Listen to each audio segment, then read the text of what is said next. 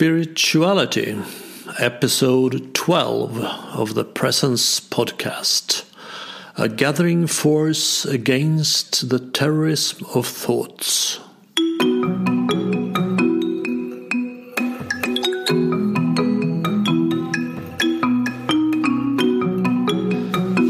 This is Bengt Renander. Welcome to the first episode in English of the Presence podcast. Today we will talk about spirituality. It's a word that I rarely use. My main interest is what's really going on in reality, beyond the illusion of thoughts. In this, I have a great respect for the scientific method, which are designed just for that purpose. The word spirituality is associated by many as the opposite of science.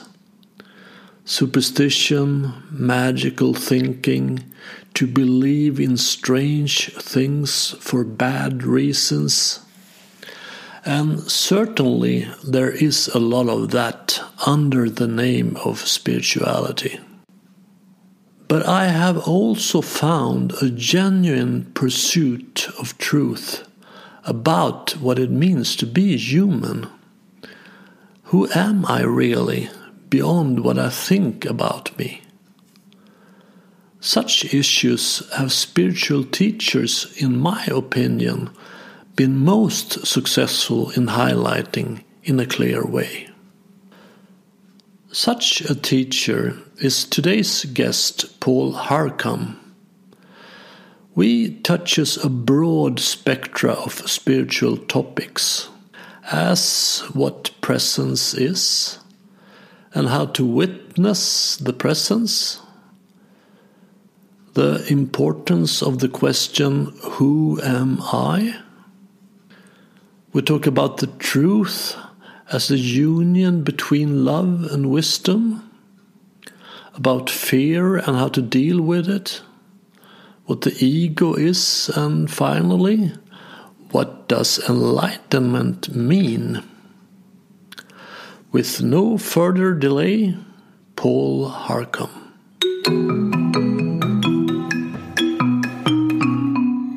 I guess, in the simplest terms, I help people find that place inside them which is at peace. And I try to help people discover that they're not just their thinking mind, they're not just subject to their personal conditioning, their upbringing, their background, their nationality, but that, that there is something else inside them which is independent of those things, and yet it's fully here. And the more we're able to discover that and find that, then the more naturally we begin to experience a deeper sense of peace. We begin to experience ourselves in a very different way, and in a way which is much more. Um, there's a wisdom in it, there's a, a, compassion in it, and there is a, a kind of uh, a, a surrendering of our personal will in it. So, in, in the simplest way, I would say, you know, it's helping people find inner peace, inner stillness. Yeah, so it's a kind of guiding. Yes. Um, you know, in one way, the, the, the, what I'm sharing is ancient, is the ancient wisdom teachings, the, the, the path of jnana yoga, which uh, which you know comes from right back, which originates right back to the wisdom teachings from from the East, but somehow presenting them in a way very ordinary, very down to earth, very natural way, so that people can um, begin to bring that into their daily lives and experience and, and look into themselves in their daily lives without having to sort of you know, give everything up and go and live in India and go and live in a cave or something like that. It, this is an this this is an invitation into absolute naturalness, and and to discover that we uh, that there is something beyond just our egoic uh, self, and uh, to to sort of the more we're able to just be one with that, then the more that begins to guide us.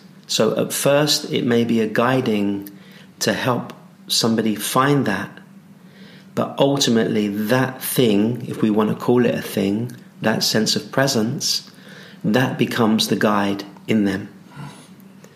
So, you know, in many ways, I'm guiding people to find their own guide. Mm. So then they, they don't need another guide, they find their guide in themselves. Mm. Yeah. Yeah, I can recognize that in my work also. That is also what I do. Okay. In a, in a way, yeah, to, to find find the center. Sometimes I use the, the, the tornado as a metaphor. A tornado is very forceful, very strong. It can drag up houses and cars and everything. But in the center of a tornado, it's always still. Yeah. And those two places exist inside of us. Um, yes. Most people live out there. It's a nice analogy. Yeah. Yeah. and that is to also to be in the present moment. Yeah. Yeah. So how how does the presence comes into this work? The first thing is to discover what presence is. So, so to really begin to discover and discern the difference between what is presence and what is the mind. And in fact, this is a, a tremendous step when we begin to discern the difference between presence and the mind. And really, um, presence begins to reveal itself the moment we begin to disidentify from our mind. Now, that doesn't mean that you have to sort of just, you know, stop thinking, but it means that something inside you begins to recognize that there is a deeper power than just thought. Thought is a kind of an expression of that power. And in fact, the mind, in its purest aspect, is very helpful and very useful. But when the mind takes us over, which we which we we have seen so much now in the, the, the civilized Western world, then the mind is no longer like a servant. The mind has become master, and then that is something very different. That is what I would call the psychological mind, the mind that believes it is you. And the moment we believe we are the mind, then we are um, we're actually quite vulnerable and we're quite fragile. And often we have to create a sort of persona uh, of perfection in front of that in order to protect ourselves from the, the sort of demands of the mind. But the moment we begin to see that there is a choice that we can make between being identified with the mind and resting in the deeper stillness or, or the deeper beingness then that becomes a choice. Now we have we have hemorrhaged, we have given, we have sort of uh, exerted so much energy to the mind, and we have ignored our own presence. So this, in many ways, is a recovering of the attention and the energy that we have given to mind and are bringing it back to its source. So the, the power of presence begins to become stronger and the power of mind begins to weaken. At a certain point, uh, if you um, practice this uh, enough, at a certain point, the, the power of presence is going to be stronger than the mind. And then the mind will begin to come inside that presence. The mind then become very sattvic, more like quiet mind, still mind. But it usually won't do that without a damn good fight. Mm and it's going to put up a lot of uh, resistance and it's going to put up a lot of reasons why you know you should kind of stay with the mind because the mind fears its own um, its own death in one way mm-hmm. yes so would you uh, agree with Einstein that said that the mind is a good servant but a, a dreadful master spot on yeah the spot on uh, I didn't know he said that, yeah. but uh, yeah, very wise words. Yeah. yeah, I would agree completely with that. Yeah, and we are so many people that are in our mind. Would you say that is the same to be in the world of thoughts? The mind is the world of thoughts. That's yes. Mm. Yeah, we are really terrorized by our thoughts. It's a kind of terrorism. Yeah, yeah. yeah. And we want to get out of it, but we don't know how. Yeah. Yeah. Well, some people want to get out of it. Yeah, when it's painful. When it's painful, yeah. yeah. And I think this is the thing that most people are afraid of. They're afraid of stopping and being still because often when people stop and they're still, then what they're going to experience is often the, the things that they've been kind of avoiding through, you know, work or, you know, basically sex, drugs, and rock and roll. What I mm-hmm. say, you know, the kind of the pleasures of life and the, the avoidance in, in life. So, you know, the moment we become still, we, we will see how how active the mind is. And often on the, the retreats that I hold, you know, they're five day or seven day retreats.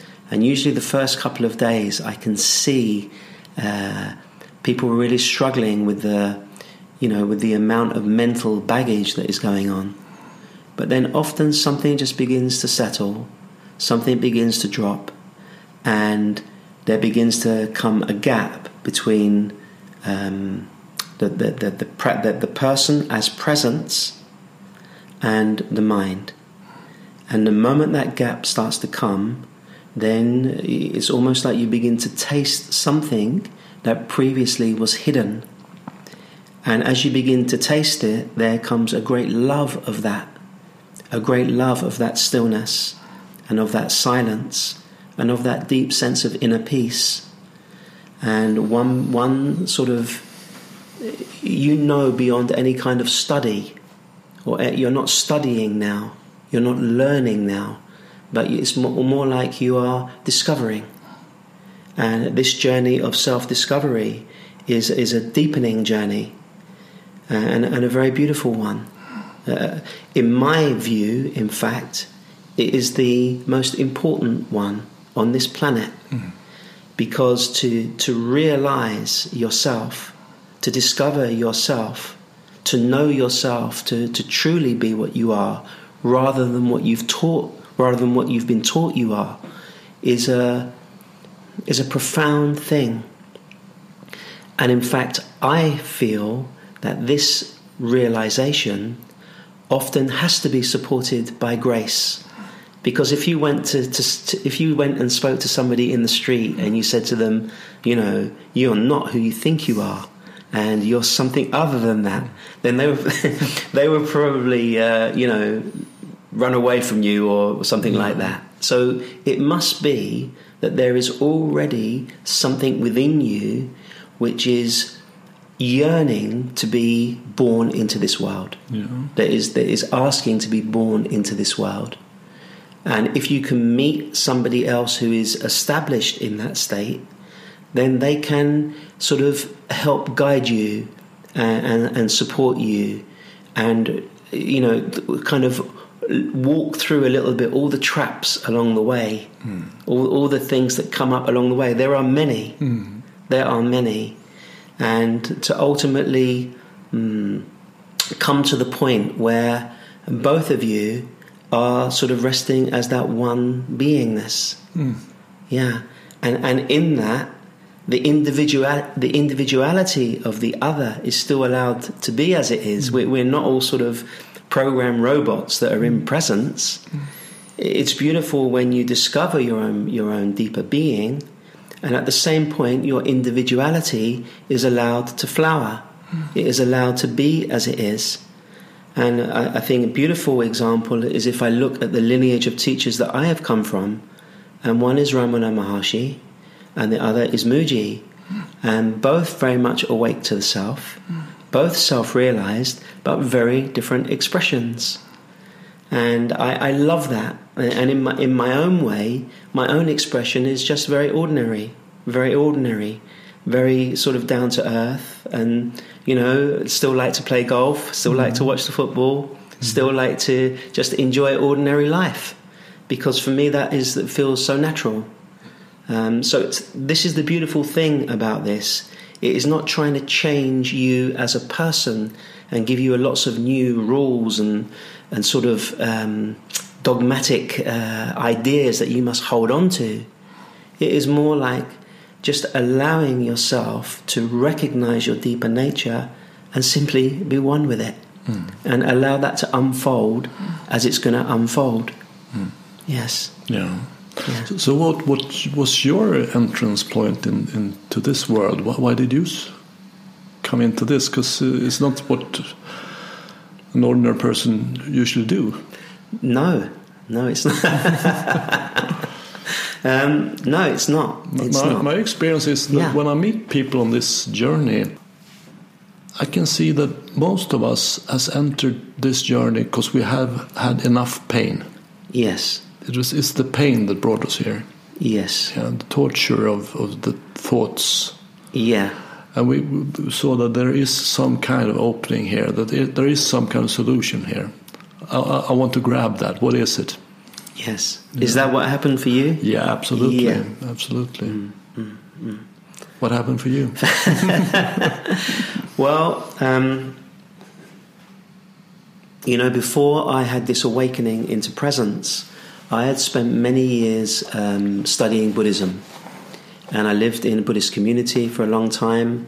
I did many meditation retreats, Buddhist retreats. Um, in fact, I was also asked to be a teacher in, in the Buddhist group, but I, I never did that. I, I didn't feel I wanted to do that. And anyway, I was involved with Buddhism for about 12 years. And then I had what I call one of these tremendous situations which completely shake up your world mm. from one day to the next, where your world looks like one thing on one day, and then something happens, and you know that your world is never going to look the same again. Mm. And this happened to me. This happened to me in my mid 30s. Um, after 12 years of being a Buddhist, I started. I was a Buddhist all through my 20s and 30s, and then um, I had this situation arose, and it basically pushed me into uh, severe depression, severe anxiety, and I felt suicidal. I was suicidal, and I spent about uh, two or three months just lying in bed and uh, I was really just lying there. My mind was tormenting me, and I was just wondering, you know, how can I end this? How, you know, how can I end this? And I was having all these scenarios. Okay, maybe I can, you know, take these tablets or jump off the. We have a place called Beachy Head near where I live. Jump off there. All these ideas in my head. And I would just have one friend who would come and sit with me, and she would just sit and hold my hand. And I couldn't, I couldn't talk at this time. I couldn't even walk. I had to crawl to the bathroom. My whole body was filled with absolute uh, pain and fear. Yeah. Yes. That is pain. That is pain. Yeah. and right at the point where I felt I couldn't continue with this anymore, because I would also have dreams every night of night terrible nightmares. So I couldn't even go to sleep and escape it. It was it was just there yeah. all the time. It was the th- thoughts that was painful for you. Yeah, yeah, yeah the the thoughts about the situation yeah. that had happened. Mm. And anyway, right in the middle of this, um, what I can only describe as a nightmare situation, it was almost like a physical rib broke right in the middle of my chest. I felt this crack right in the middle of my chest, and I felt this essence of peace come through me. I just felt this stillness and peace come through me. It wasn't like a peace that I was kind of trying to create or hold on to, it just appeared by itself. And I held on to that peace when it came. I held on to it and I stayed with it. And I began to see that this peace had nothing to do with my thinking mind. And I had the choice whether to be one with this peace or to be one with the thinking mind. It was like God had presented a, a get out for me. And I, I just stayed with this sense of peace. This went on for about two or three years now two or three years. I, I couldn't really. Um, I wasn't working at that time. I had a little bit of savings, and I was just able to take a bit of time out. So I had about two or three years where I was just with myself. I would just go and sit in the park. I would just go and take a walk. I would just be quiet. And somebody at this point, they gave me the book, The Power of Now. Mm. This, this somehow came across my path. And I was reading The Power of Now, reading about Eckhart Tolle and his journey. And as I was reading this, my whole sense of being was illuminated. And I began to feel, my God, it's almost like this is what is happening to me.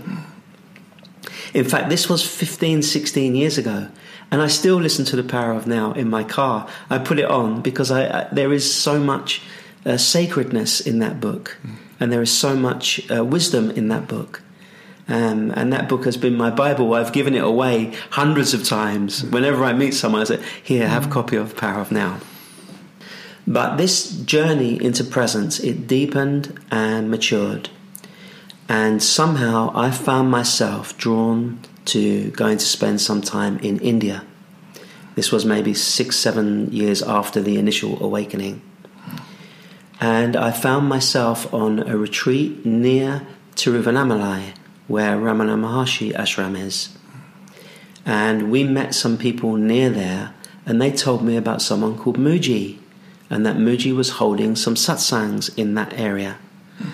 And I went to these satsangs with Mooji, and in the first satsang I met him, I found myself going up to speak with him. And I felt such a tremendous amount of love and compassion and wisdom from him that I just somehow began to trust his words, even though I didn't really understand what he was speaking about, because he was speaking about going beyond presence even the witnessing of presence, mm-hmm. which he called the self, which Ramana called the self. And uh, this was maybe uh, 10, 12 years ago now, I don't remember how long. It becomes a bit of a blur. Mm. But uh, I met Mooji, and ever since that time, Mooji has been my teacher. I still love Eckhart, but I would say Mooji is my, my teacher. So, can you say something more about witnessing the presence? Is it like yeah. a third step? Yeah. You know, Ramana Maharshi, he gave a beautiful example about this, and maybe I can start by giving that and then mm-hmm. speak about it. Ramana Maharshi, he said, if you're walking in the forest and a thorn goes in your foot, so you're walking barefoot in the forest mm-hmm. and a thorn goes in your foot, mm. you take another thorn to pull out the thorn that's in your foot. Mm and then you throw them both away. Mm. This is what he said. Mm. And it's a beautiful example now. Because walking barefoot in the forest, this means you're in natural state. Mm. You're in natural state, meaning you're just at peace. You're just at peace. Hmm. The first thorn that comes in is the thorn of ego. Mm-hmm. And when this one comes in, ah, it hurts it's like a thorn that comes into the, the consciousness and somehow it hurts. Mm-hmm. And for a while, we're walking with the, with this thorn in our foot. Uh, you know, you imagine trying to walk mm-hmm. through a forest with a thorn in your foot. Every time you put your foot down, it's mm-hmm. going to push in a bit more. It's mm-hmm. painful. Mm-hmm. The second thorn is the thorn of presence. It is the thorn of presence. What is presence? It is just the feeling, the intuitive feeling, I am mm. or I exist before it becomes I am a man, I'm a woman, I am Swedish, I am a, you know, profession, your profession, all these things. Just this feeling I am in the heart, this sense of existence. We use the thorn of presence to take out the thorn of ego. Mm. When that is taken out, again, you can just let go of both. And again, you're walking in the forest. Mm-hmm. The only difference is now you fully appreciate that state. Mm-hmm. You fully appreciate what I often call natural state. And natural state is just the state that underlies every other state. even the state of presence, as beautiful as it is, and as joyful as it is, and as wise as it is, we, we may say that even that comes and goes. When we go to sleep, presence is gone. Mm-hmm. But it comes and goes within something that is simply here by itself. Mm. This is what Ramana called the self. That which is simply here. It is not against presence. When presence comes, we should enjoy it because we need this sense of presence to encourage us and to help us overcome these very uh, sometimes strong emotions and strong condition patterns, often traumatize parts of us. We need presence for that. But there may come a certain point where presence is, whether it's there or not, something is just as it is, and you know yourself to be that isness. That, uh, and with that comes a very deep sense of rest, a very deep sense of just just letting go of, of the doer of what you thought you were, hmm. and a very deep resting in and as the self. It's beautiful because you can begin to use inquiry for whatever is taking place in your life. You can begin to use inquiry. You know, I, I sometimes use the example of a good business person. Hmm. If you meet a good business person, they're always, you know, wondering, you know, how can I work on my business? You know, who can I meet and how can I develop it and all these things.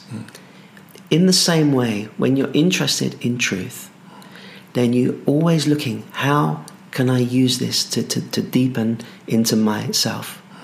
Good situation comes, bad situation comes. Easy things comes, difficult things comes. The question is, how can I use these things for awakening? Hmm. And if you're if you're switched on, and if you're smart, and if you're if you have a real love for truth, then whatever is happening in your life, that can become your ashram. That can hmm. become your your spiritual practice. That that can become, you know, where you're really tested Yeah. because sometimes you know can be easy just sort of sitting quietly and all these things Yeah. but in relationships in work in money in, in these kinds of things all of these things are an opportunity to inquire and look into your deeper self mm. especially if things get triggered Yeah. So this I, yes I come to think of the expression, what is in your way is your way. yeah Yeah. yeah So everything becomes my teacher. yeah It's a very good, good way to look at myself as a student. beautiful Yeah. way So what can I learn from Yeah. this? yeah This about presence, awareness, spirituality is very, very strange. But this is the opposite. It's about being interested in the truth. yeah We have that in common with the scientific method.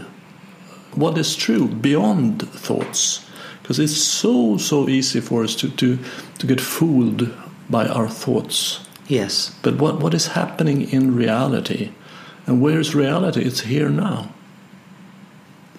It's not in the world of thoughts, it's here now. So, what is happening here in the reality? And I, I've- heard that, I don't know if it's true, but I heard that, that the Dalai Lama should have said that uh, if, if science will contradict something in Buddhism, we change Buddhism. Because we, we are only interested in what's in reality, in the truth. yeah yeah We're not interested in believing things. no No, what is happening in reality. Mm. And if you are interested in the truth and in reality, where, where shall I look? I should look here, now. yeah Outside of me, especially inside of me. Yes. Yeah. This is the beautiful thing about this approach. Because right at the very beginning, right from the first time you come to a meeting, you're asked the question, who or what am I? So you're going right to the to the heart of matters immediately. You're not saying, okay, you know, let's uh, look at this and study this and work this out. You say right at the beginning, you're asked to come and look for the sense of I. What is I appearing as? And if you ask most people that, then they will tell you about their career or their family or their education. I say, yeah, all of those things are about you. They're about you, about you. Who are you? When you say I, what are you referring to? And then this brings people closer in now, looking for this sense of I. And they may say, well, that feels like a self image, or it feels like an emotion, or an energy, or some kind of thought. I say, okay, let's just say they say it's an energy. I say, okay, now you feel that you are an energy. There is an energy in you, and you feel that that is the essence of you. I may then ask them, what is perceiving that energy? What is aware of that mm. energy? And then this now now we're coming to some very subtle points of investigation. We're really starting to look very subtly into these things. And also now, if there is still uh, interest in the mind, then the mind will may come in with some sort of intellectual thoughts about it. But I say, no, you must leave the mind outside. The mind is not going to help you to discover what is beyond the mind. The mind can only know objects, it can only know things. But in the essence of ourself, in the true essence of ourself, are we a thing? Are we something? And this really brings a very deep introspection. Not as theory, not as learning, but as looking mm-hmm. and as recognizing.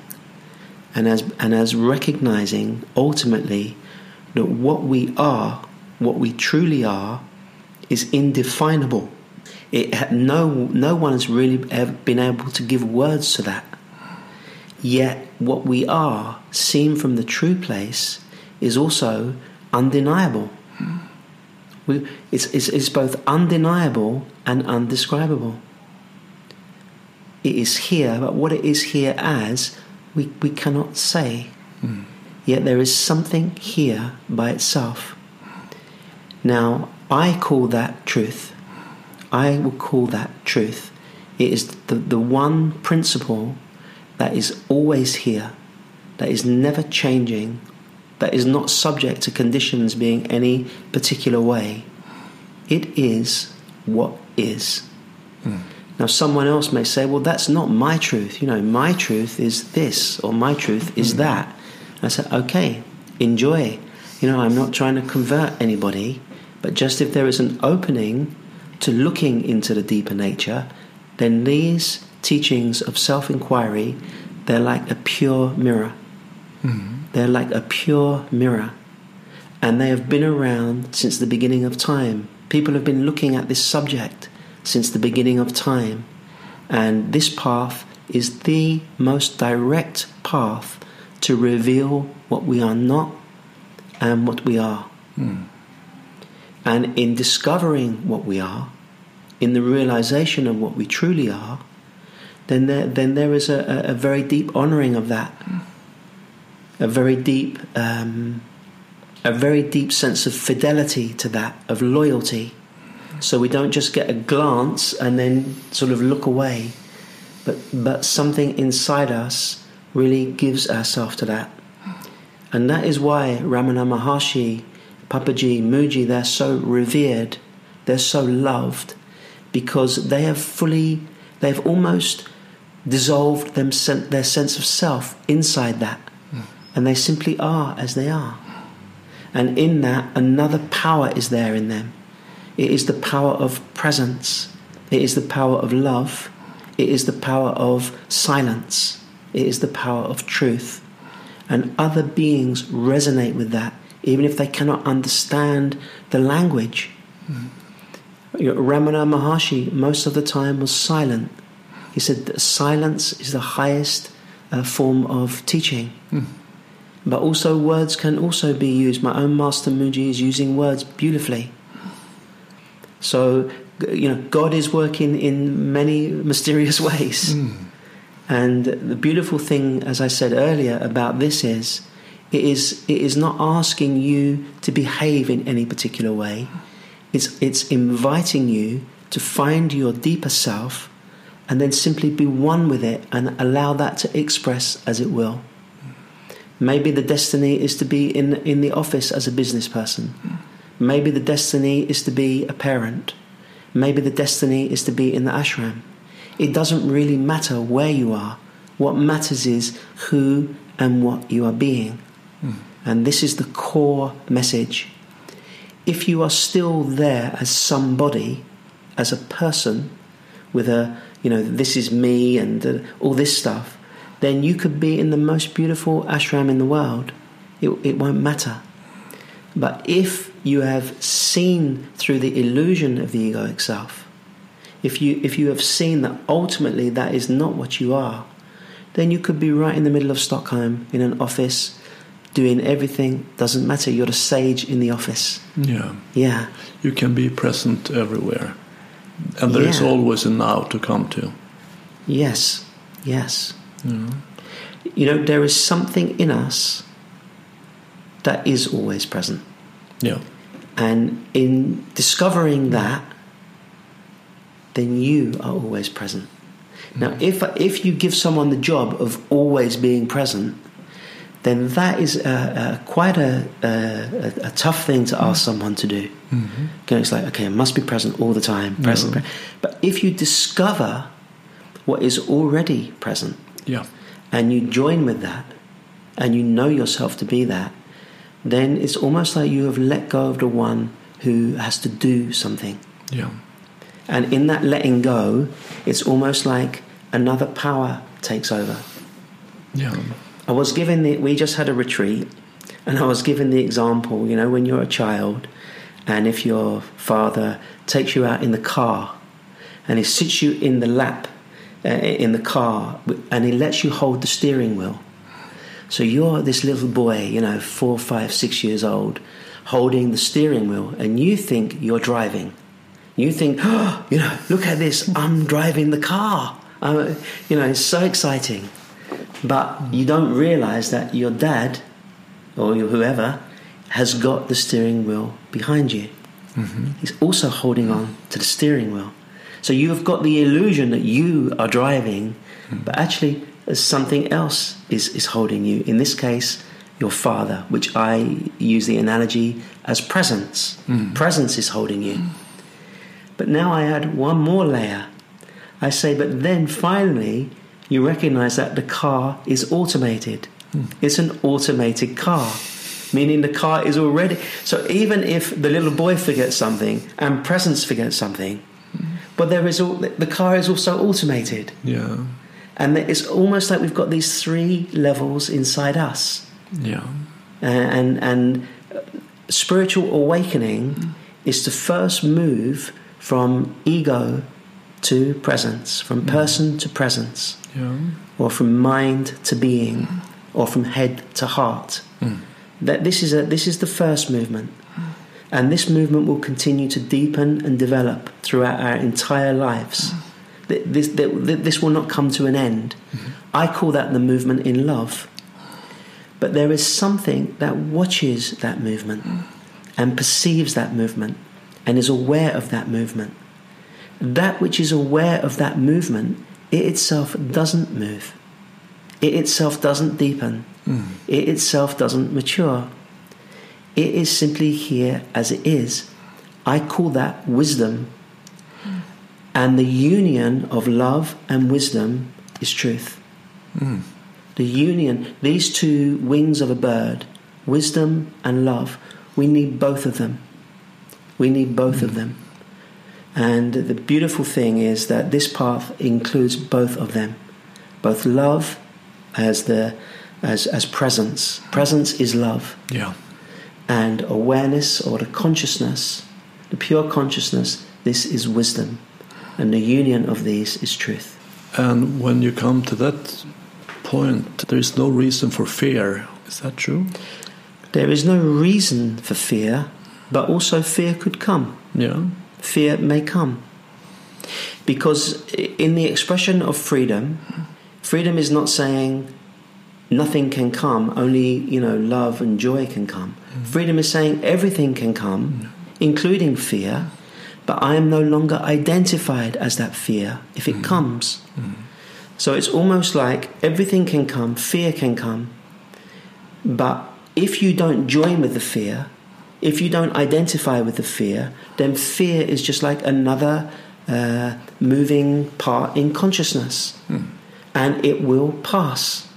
It will pass in front of something which does not pass. Now, if every time an emotion comes, if you join with that, then your life is going to be very unstable. You're going to be, you know, up and down and moved around all over. But if something in you stabilizes as the being consciousness, then all of these things they are just passing, uh, passing clouds. They're like they're like actors coming on a stage, being there for a while and walking off. But you yourself, you have recognized the ground of the stage to be yourself. Therefore, you don't get taken by any um, any any passing movement. I brought up fear because in the unconscious stage, um, fear is very often the deciding factor in what, what you should do. You still can feel fear, but it's not the deciding factor. You can do as you want yourself instead. Yeah. Yeah, So what you're saying then is that fear is no longer controlling you. yeah, Yeah, beautiful. yeah. beautiful because you know I think we have all seen that that when fear starts to control us then that is gonna that is not not gonna lead to the highest outcome No, it takes me away from who I am truly yeah and what I want to do in my heart or yeah. my core. And I feel it's very true what you've said that actually all of us carry an amount of fear. Mm. And as we come into the recognition of our own presence then that fear may also be revealed even more strongly. Mm-hmm.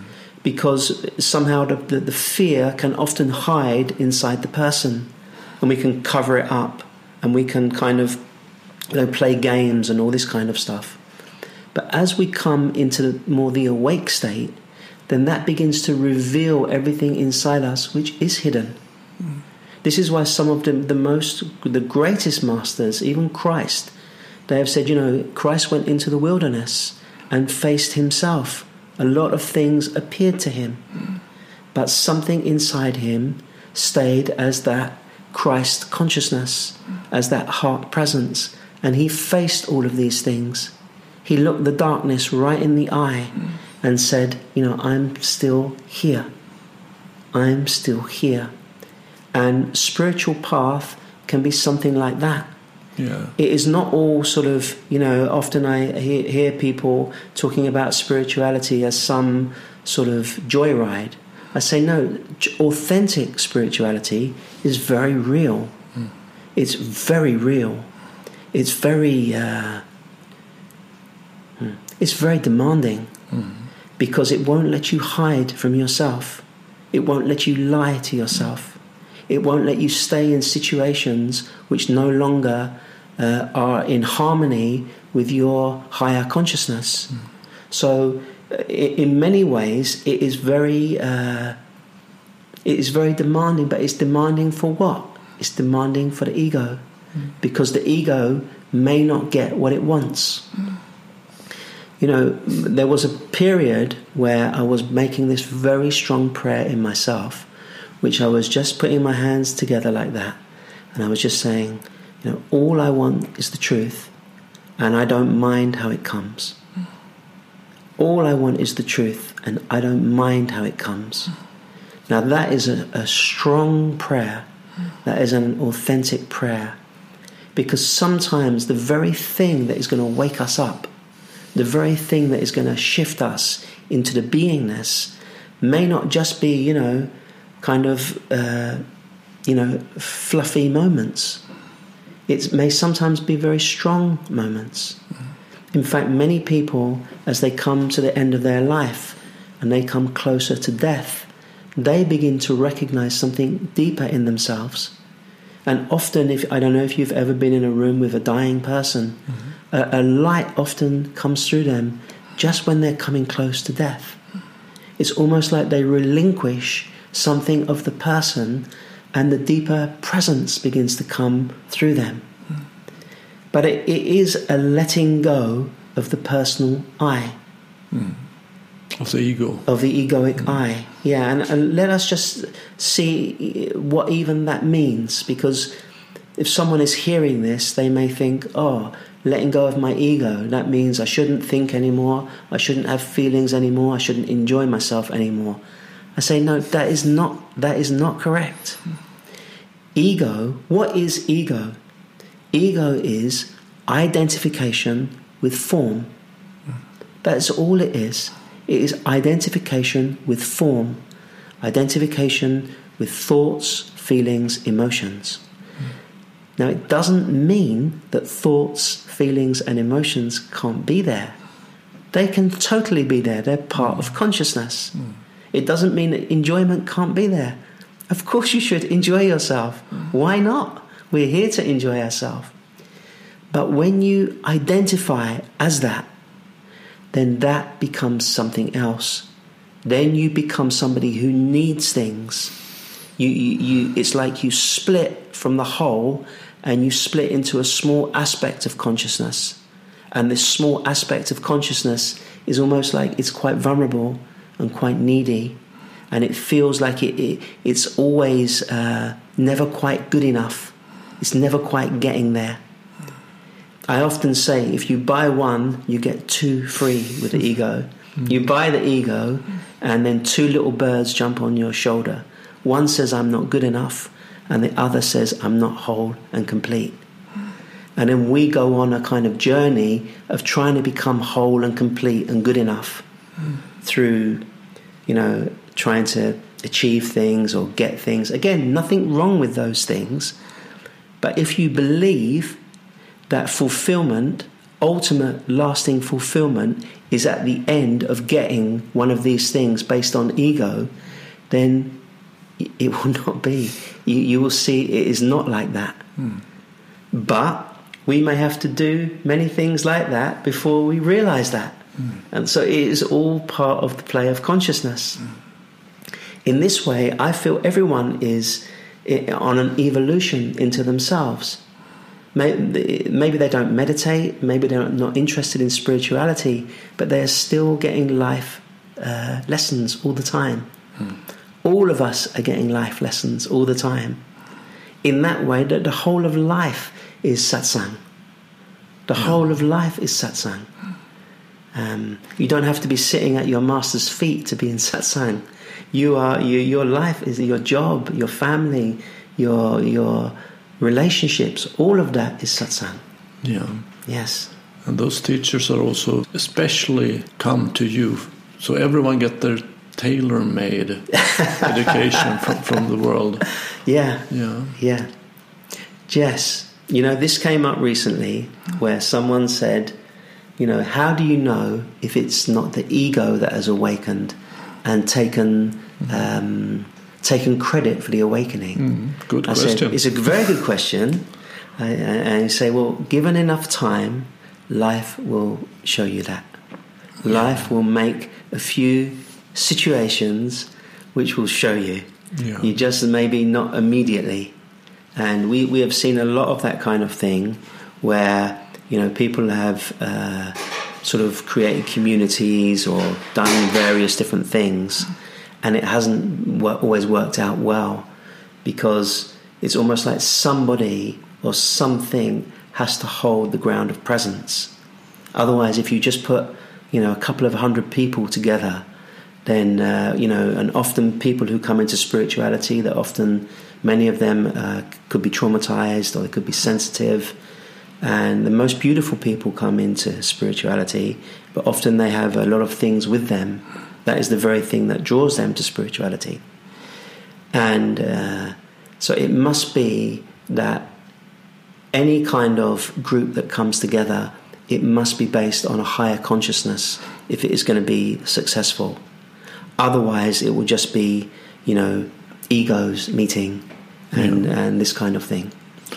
Yes. Yeah, I find that as a, as a big problem that spirituality in, in in some ways has a very bad reputation and, and, and, also has earned that because uh, we have seen spiritual groups and spiritual leaders being very much in their ego, being more of a con man.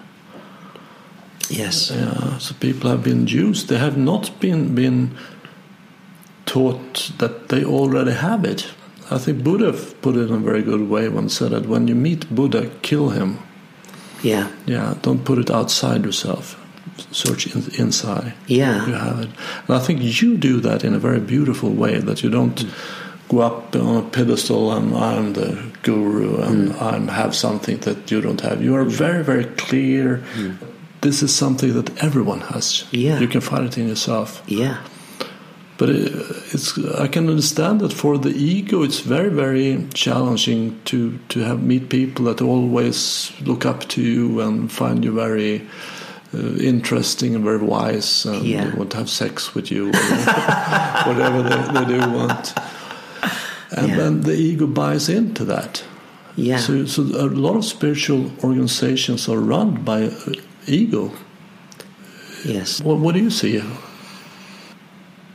It's hard to comment on that because I don't know about uh, specific uh, groups and I don't want to get into speaking about specific groups. But what I would say is um, if someone is drawn to spirituality, then the vast majority of people who are drawn to spirituality, it is authentic. They have an authentic pull towards mm. that. There is something in them that is that is pulled to that in in the vast, vast, vast mm. majority of cases. Now, Mm. I feel actually very lucky that I met someone like Mooji. I feel very lucky about that because although I've been with him for, you know, 10 or 12 years now, I don't see him very uh, often. In fact, I saw him quite recently, but it was for the first time in many years I saw him. But what has been so consistent with Mooji's pointings is that he doesn't go into lots of other subjects. He just uh, keeps coming back to the self. Find the self, be one with the self. Find the self, be one with the self. Because if you find the self, and if you are somehow get confirmed inside that, which means really that you begin to love that and you begin to honor and serve that, then it is very hard to act uh, unkindly or uh, sort of um, with with bad intention, it is very hard to act with bad intention from that place. Mm. It's almost like it, it's almost impossible. It doesn't mean that you couldn't, you know, be firm about something. Mm. It doesn't mean you couldn't uh, say something very clearly, but it would be very hard to sort of have ulterior motives, such as you know uh, you know, trying to get something from your disciples or something like that. Mm. So, a, a, true teacher, in my view, a true teacher, they don't need or want your uh, adoration. If it comes, it's fine, it's okay, it's beautiful. But a true teacher is always pointing you back to your own authority. Yeah. Is always questioning your own answers. Mm so the, the dependency on a teacher is exchanged for, uh, for, for, discovering the teacher within you. A, a, true teacher will guide you back to your own authority, your own power. Yeah. And in that, then once you find your own power, you may still decide to stay with that teacher because yeah. you, you could have a good look around. You could think, well, now I've found what my teacher was speaking about. You know, what should I what should I do now? And you have a good look around and you think, actually, I just love being with my teacher. Mm. So you may stay there, but you won't be there as sort of teacher disciple. Mm. You will both be there as self, as the self. And I also think a good teacher address your experiences more than that you, you should believe in things. Yeah. Like books or uh, anything yeah. that someone else says. Yeah. Uh, I mean, you know, ultimately, Books are very helpful, the study is very helpful, learning is very helpful, but it can only bring you to a certain point. And there comes a certain point where you, you cannot just keep learning but you have got to then begin to study yourself and study what I sometimes call your own book. You've read everybody else's book, now study your own book. You know, does that mean that you have to work out everything your mind's doing? No. Study the author of your book. Find out who you are. Yeah. This is really what it's about. And ultimately, that is that the best thing that we can do for anybody else is help them find their, their inmost, unchanging self. That I don't see anything greater we can do than that. That is a tremendous um, gift and, and service to, to do. But it is not claimed by somebody. Mm. It is just somehow that the consciousness through this body has has is operating in that way. Yeah. It's not that you know, okay, you know, I must go out and you know, uh, you know, sort of convert everybody to the self. Mm. Of course not. It, it wouldn't work. No. If you went on a self crusade, then you know probably everyone would run away screaming. Yeah. So it must be that there is already so some openness and cooperation from both sides. Yeah. And in this way, I say satsang is very much a two way thing. It is not lectures, it is not philosophy, but it is a meeting and an exploration of our true self, Yeah. both through silence and maybe through some inquiry and some words. Mm. But the real message is always uh, be one with the silence. This is the true message that, that I share. It is one thing to understand it, and it's good to understand it. Very good. But but I, I find that when I experience it, it's kind of aha. Yes. Now I really understand it. Yeah. It's not only intellectual, but I also get it in my body or my heart. Yes, yes. And that is the deep understanding. And that Yeah. is only inside of me. Yeah. No one can give that to me, really. Beautiful. Yeah. Oh, and once you have had that very deep knowing, no one can give it to you, and also no one can take it away from you. No, no, it's Yeah. impossible. Yeah. Yeah. And with, with that said, that it, with um, you need both understanding and experience, I I would like to to address a, a topic that is uh, I've been struggling with for years to understand or maybe experience, and that is enlightenment. That's a big word. Yeah, that's a big word. So, so what is your take on enlightenment? What- what is it, and what? what Uh, yeah. I, I, I, try, I try to avoid those words if I can, but let's have a Yeah. go. Let's Yeah. have a go. Yeah, at let's it. have a go. Let's have a go at it. Because often, you know, if we start talking about enlightenment and things, then this can uh, put people off mostly. And uh, I tend to speak about uh, peace, inner peace. But let's have a go at the enlightenment topic. Yeah. For me, enlightenment or inner peace, enlightenment is the absence of the I. Is the absence of the I. The personal I, the ego. the egoic I, is simply an absence of something. Hmm. It is not a gaining of something. Hmm. Because in the absence of that, something is just completely uh, pure and contented and at peace. Hmm. And now we must again come back to this topic what is I? Yeah. And this is why, again, we have to look for that. Because ultimately, this sense of I, when it boils down to it, is just a very, very subtle feeling. It's a very subtle feeling, like the thorn, or like another master. He used a beautiful example. He said, on a sunny day, on a sunny day, if you put your one finger up in the air and close one eye and look up, you can block the whole sun just by that one little finger. You can block the whole sun. Hmm. He said like that. Hmm. He said, in the same way, when you're identified with the false I, with the egoic I, you block the whole self. Yeah.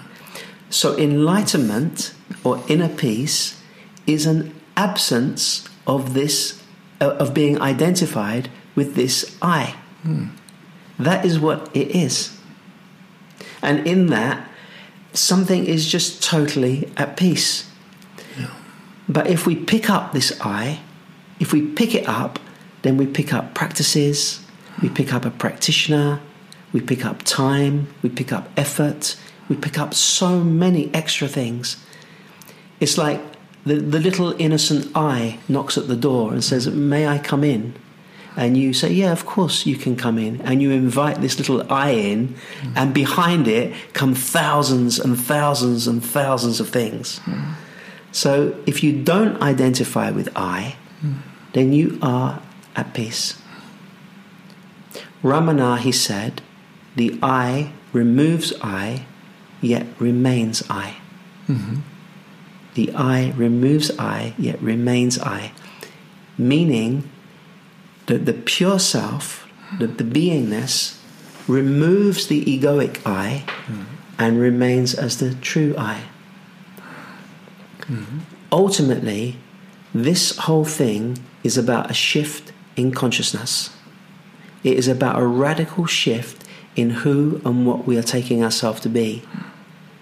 There is no such thing as an enlightened person. It is a, a juxtaposition. No. It, it, doesn't exist in that no, way. No. You cannot be both enlightened and identified as a person. Mm. That is called enlightened ego. And that is a lot of trouble, as we have already uh, um, spoken about. Mm. So, enlightenment, awakening, is a shift from person to presence, and from presence to the witnessing consciousness, to the pure self.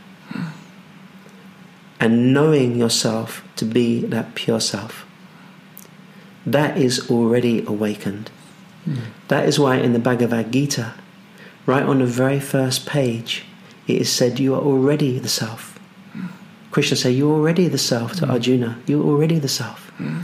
And then they have to go through all of these hundreds and hundreds of pages of adventures and, you know, uh, situations and dramas. And again, at the end, he said, Look, I told you, you're already the self. Mm. But he's not speaking to the ego. He's not saying to the ego, You're mm. already the self. Mm. He's saying that which witnesses the ego, that which somehow we are overlooking, we are bypassing, that is already awake. This is why this pointer that came from uh, St. Francis of Assisi, his pointer is so clear. He said, What you are looking for is where you are looking from. Mm-hmm. What you are looking for is where you are looking from. So we are so familiar with objects but St. Francis is asking you, asking you now, what is the subject? What is the subject? Objects we know. Mm. Even presence is a kind of object. Mm. It has a feeling to it, it has a vibration to it. But what is even perceiving the arising and falling of presence? You see? Mm-hmm. And when somehow that is found, then you have gone beyond religion you have, you have come to, to the, the mystical branch of all religion, of Zen, of Advaita, of Sufism, of Christian Gnosticism. You have, you have, you have come to the very heart of all mystic, the mystical branches of all religion, which is the same. Find out who you are, find the self, and in finding the true self, that is enlightenment. That is enlightenment. Mm you are enlightened. It's almost like you've seen the light rather than being identified with the darkness. You've now seen the light. Hmm. And in that seeing, you can no longer really go back to, to the old regime. That seeing has a tremendous power in it mm. and, a, and a tremendous um, wisdom in it. And uh, again, the more we can follow that, then it will just reveal itself in more and more pure ways. Our potentiality after realizing the self is to follow that, is to follow that, and to let it unravel itself. And this, you know, now I'm in, in Sweden, spending a lot of time in Sweden, and uh, so happy to, to be drawn here. I, I didn't sort of sit down and work it out. You know, okay, I would like to go there because, you know, I heard the meatballs are good or something mm. like that. No, uh, just uh, met somebody and they invited me here. And now we have had many, many meetings here, beautiful meetings, many people very interested here. And I feel so at home at being here.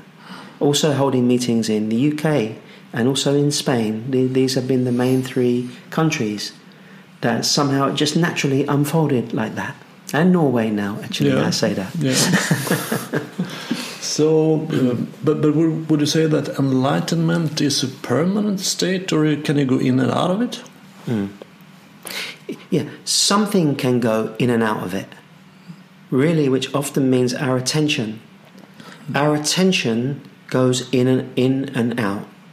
So our attention is always moving around.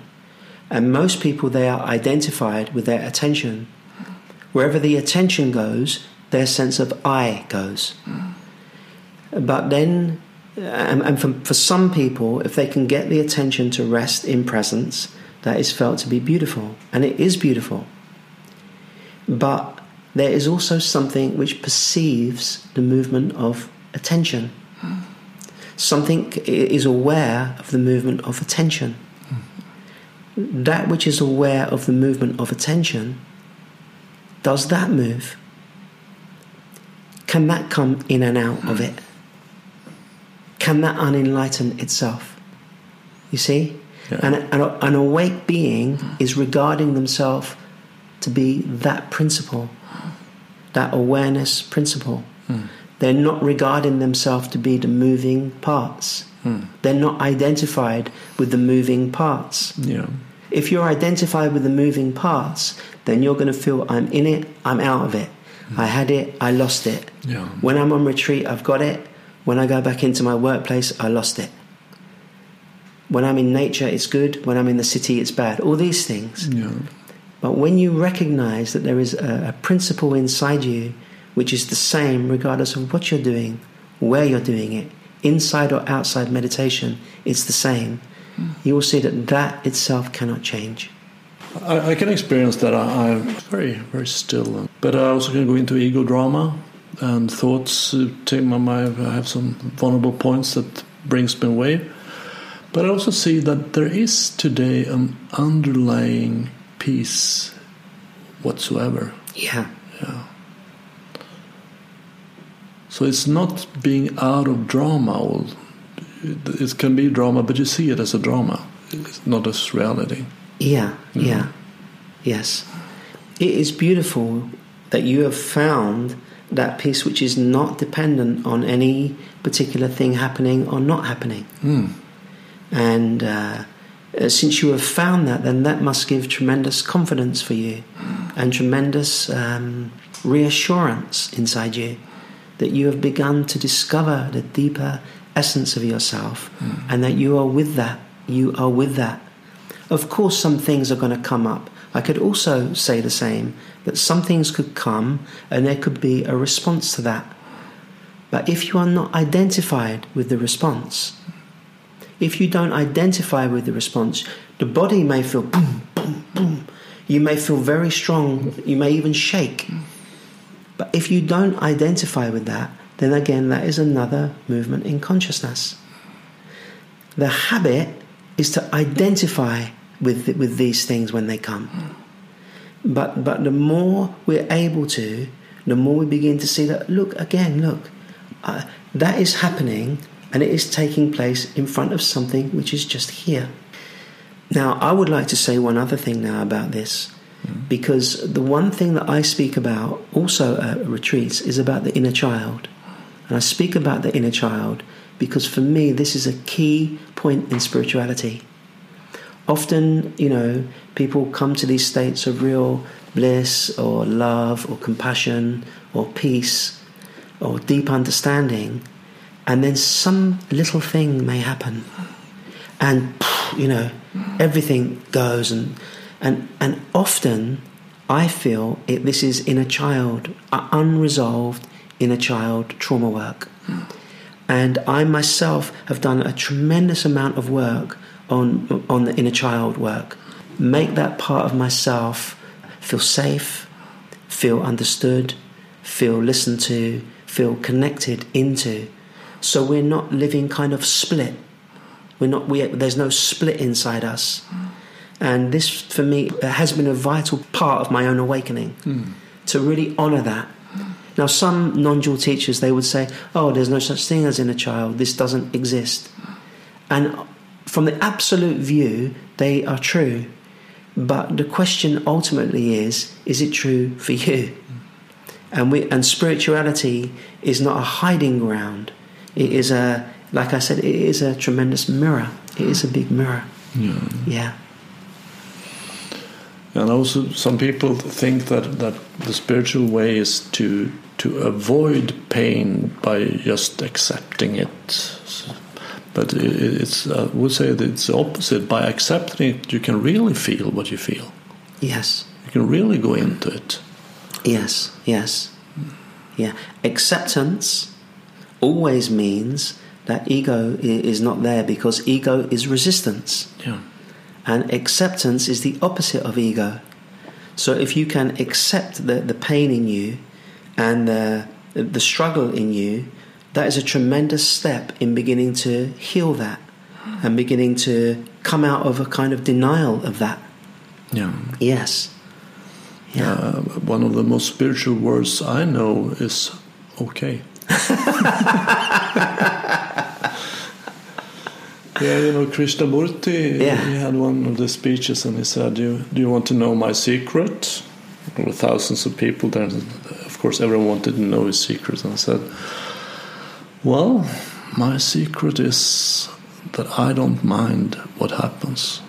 Very beautiful. Yeah, and it's very important to to to to address that I don't mind doesn't mean that I don't care. Yeah. That is two two very different things. Yeah. But I'm not against life. I don't fight with life. I Yeah. go with it. Yeah. Isn't that beautiful? Yeah. Yeah. That is so beautiful. Yeah. Simple thing like that. You hear that, mm-hmm. and a simple thing like that could radically shift something inside you. Yeah. Yeah.